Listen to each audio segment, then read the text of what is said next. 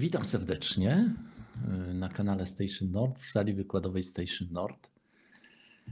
A chciałem dzisiaj porozmawiać o kobietach, ale to nie będzie łatwy temat, od razu mówię, że dzisiejszy film jest trudny. Jak ktoś nie lubi trudnych rzeczy, to just live it, no problem.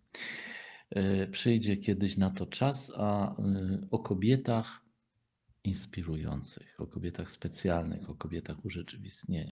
No, mówi się tak wiele o mężczyznach, a tak naprawdę właściwie w każdej tradycji znajdują się, no, można powiedzieć, fantastyczne kobiety, chociażby w tradycji tybetańskiej Maciek Labdrin, yy, no, w Europie święta Teresa Zawili, no i Rabia w tradycji sufickiej, nieprawdopodobnie inspirująca dama.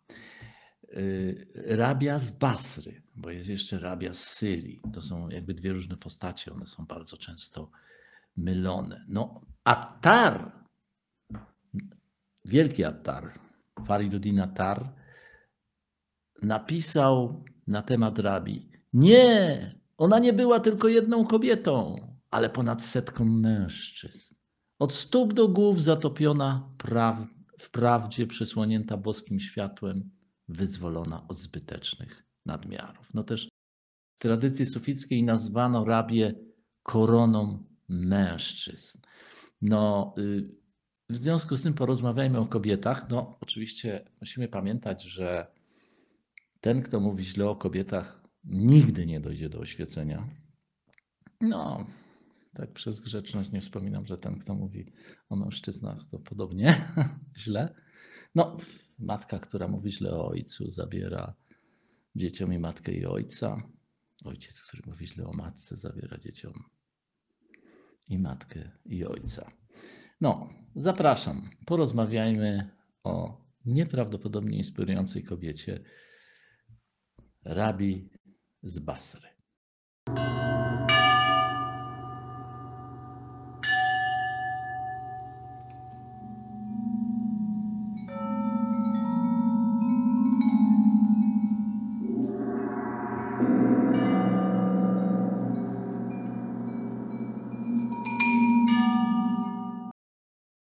Nie wyszła za mąż. No, kiedy gubernator Basry się do niej zalecał, odpowiedziała: Nawet jeśli gdybyś ofiarował mi całe Twoje bogactwo, niemożliwe dla mnie byłoby odwrócić się od Boga. Nawet na czas tak krótki, jak mrugnięcie okiem. Oczywiście y, wśród tych kobiet inspirujących y, akurat y, jesteśmy, no można powiedzieć, w tradycji teistycznej, która posługuje się pojęciem Boga ale ja myślę, że takie czy inne pojęcie, czy obojętne, czy to jest bardziej y, w tradycji buddyjskiej, gdzie mówimy o oświeceniu, urzeczywistnieniu, czy w tradycji sufickiej, kiedy używamy koncepcji Boga, dla mnie jakby to nie stanowi żadnej różnicy. No jeżeli to dla kogoś jest przeszkodą, no to jest to sygnał, że no, warto się zastanowić nad przywiązaniem do pewnych pojęć. No, nieprawdopodobnie śmieszą mnie ludzie, którzy mówią, że nie wierzą w Boga. To znaczy, w co nie wierzą? Bóg to jest koncepcja. Czy nie wierzą w koncepcję? To dosyć zabawne. No przecież no nie wolno ci wierzyć w koncepcję, bo to jest bałwochwalstwo. No stąd ja czasami mówię, że ateiści są dużo bliżej religii niż, yy, można powiedzieć, ci wierzący w koncepcję. Koncepcja jest narzędziem. Jeżeli to narzędzie daje ci dostęp do prawdy, to dobrze, a jeżeli nie jest dla ciebie, to odłóż na półkę, może się innym przyda.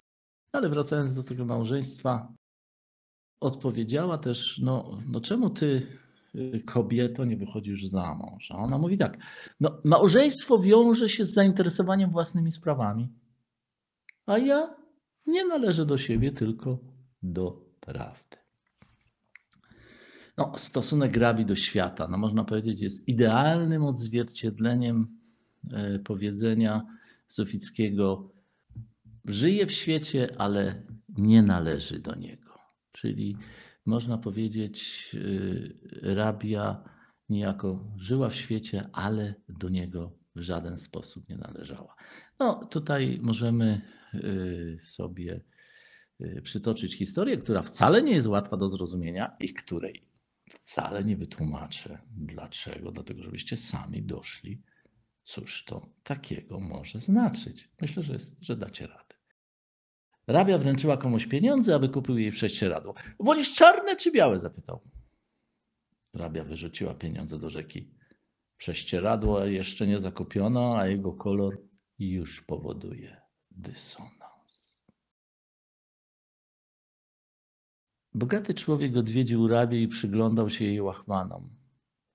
Jest wielu ludzi, powiedział, którzy spojrzeliby na ciebie łaskawym okiem, jeśli tylko byś pozwoliła. Rabia wyznała: Hmm, czuję się zakłopotana prosić o cokolwiek należącego do człowieka, bo przecież ten człowiek posiadł to tylko na chwilę. Bogaty człowiek wykrzyknął: Popatrzcie na aspiracje tej doskonałej kobiety. Ubolewa nad traceniem czasu, który zajmuje proszenie o pomoc. No, pozostało po niej w tradycji sufickiej wiele inspirujących dialogów pełnych znaczenia. Na przykład, ktoś pyta rabię: Kochasz Boga? A tak. A więc nienawidzisz szatana. Hmm. W moim sercu jest tyle miłości, że już nie ma nawet najmniejszego miejsca na wrogość do szatana. Zapytano rabię, czy widzisz tego, do którego się modlisz? Ona odpowiedziała, nie czciłabym go, gdybym go nie widziała. Pewien mądry człowiek powiedział, drzwi zostaną otwarte, jeśli będziesz pukał. Kiedy to rabia usłyszała, powiedziała: Jak długo będziesz powtarzał? Drzwi zostaną otwarte, drzwi zostaną otwarte. Ale powiedz mi, czy te drzwi kiedykolwiek były zamknięte? Człowiek odpowiedział: Jestem mężczyzną, ale kompletnym idiotą, podczas gdy ta słaba kobieta jest pełna mądrości. Pewnego razu rabia spotkała anioła śmierci i rozmawiała z nim. Kim jesteś? Jestem niszczycielem przyjemności, istotą zamieniającym dzieci w sieroty, istotą, która kobiety czyni wdowami. O, czemu mówisz w tak negatywny sposób o sobie? Dlaczego nie powiesz? Jestem istotą, która łączy przyjaciela z przyjacielem. No, trudno zrozumiałe. No, tak dla ułatwienia mogę powiedzieć, że ten przyjaciel to jest, yy, można powiedzieć, przyjaciel przez duże P, to oczywiście w tradycji su sufickiej odnosi się do absolutu. Rabia powiedziała kiedyś: Rozpaczam nie dlatego, że jestem płaczliwa. Jestem niezadowolona z powodu braku egzystencjalnego smutku. No, e, egzystencjalny smutek to nie jest smutek patologiczny. Egzystencjalny smutek to jest taki smutek, który się pojawia, kiedy patrzymy na świat, kiedy patrzymy na powiedzmy ludzi cierpiących w wyniku wojny, no chociażby teraz jakby na Ukrainie, kiedy patrzymy, ile jest niesprawiedliwości na tym świecie, kiedy patrzymy, ilu ludzi głoduje, kiedy patrzymy na choroby i cierpienie, wtedy ten egzystencjalny smutek Y, który jakby odnosi się do cierpienia, jest jak najbardziej wskazany. Pewien człowiek zwrócił się do rabi: Pomódl się za mnie. Rabia popatrzyła na niego. Niech ci wszechmogący i miłosierny wybaczy. A kimże ja jestem, żeby być pośrednikiem? Bardzo ciekawe stwierdzenie. Ludzie pytali rabię, przez które działanie Jakie działanie i jaka praktyka przyniosła Ci najwięcej pożytku, przyniosła Ci takie urzeczywistnienie?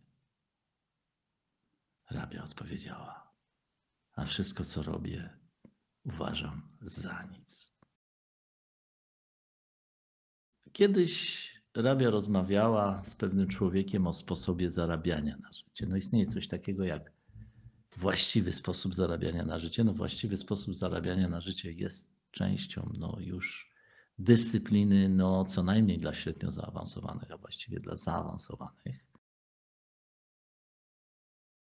I powiedziała do człowieka: To nie jest właściwe zdobywać jedzenie dzięki niewłaściwemu zarabianiu na życie. Na to człowiek zapytał: Na co, jeśli znajdę tylko takie jedzenie, które jest zdobyte w niewłaściwy sposób? Rabia odpowiedziała: Lepiej ćwiczyć cierpliwość w obliczu głodu, niż setki lat cierpienia przed tobą. A takie będą skutki spożywania takiego pokarmu. To było parę inspirujących stwierdzeń. Oczywiście mm, Rabia też słynęła, no jak to się mówi, z licznych cudów, aczkolwiek no, mówimy tak, cudów nie ma, ale trzeba wiadomo, jak to zrobić. No, jest masa różnych zabawnych historii. No, pierwsza historia to jest Rabia gotowała zupę i jeden z jej uczniów i nagle stwierdziła, że brakuje jej cebuli. Stwierdziła, że brakuje cebuli i nagle z nieba spłynął sznurek z cebuli. I jeden z uczniów ze zdumieniem popatrzył, a ona mówi, a co ty myślisz, głupi, że nasz Pan tam trzyma na górze sklep z cebulą?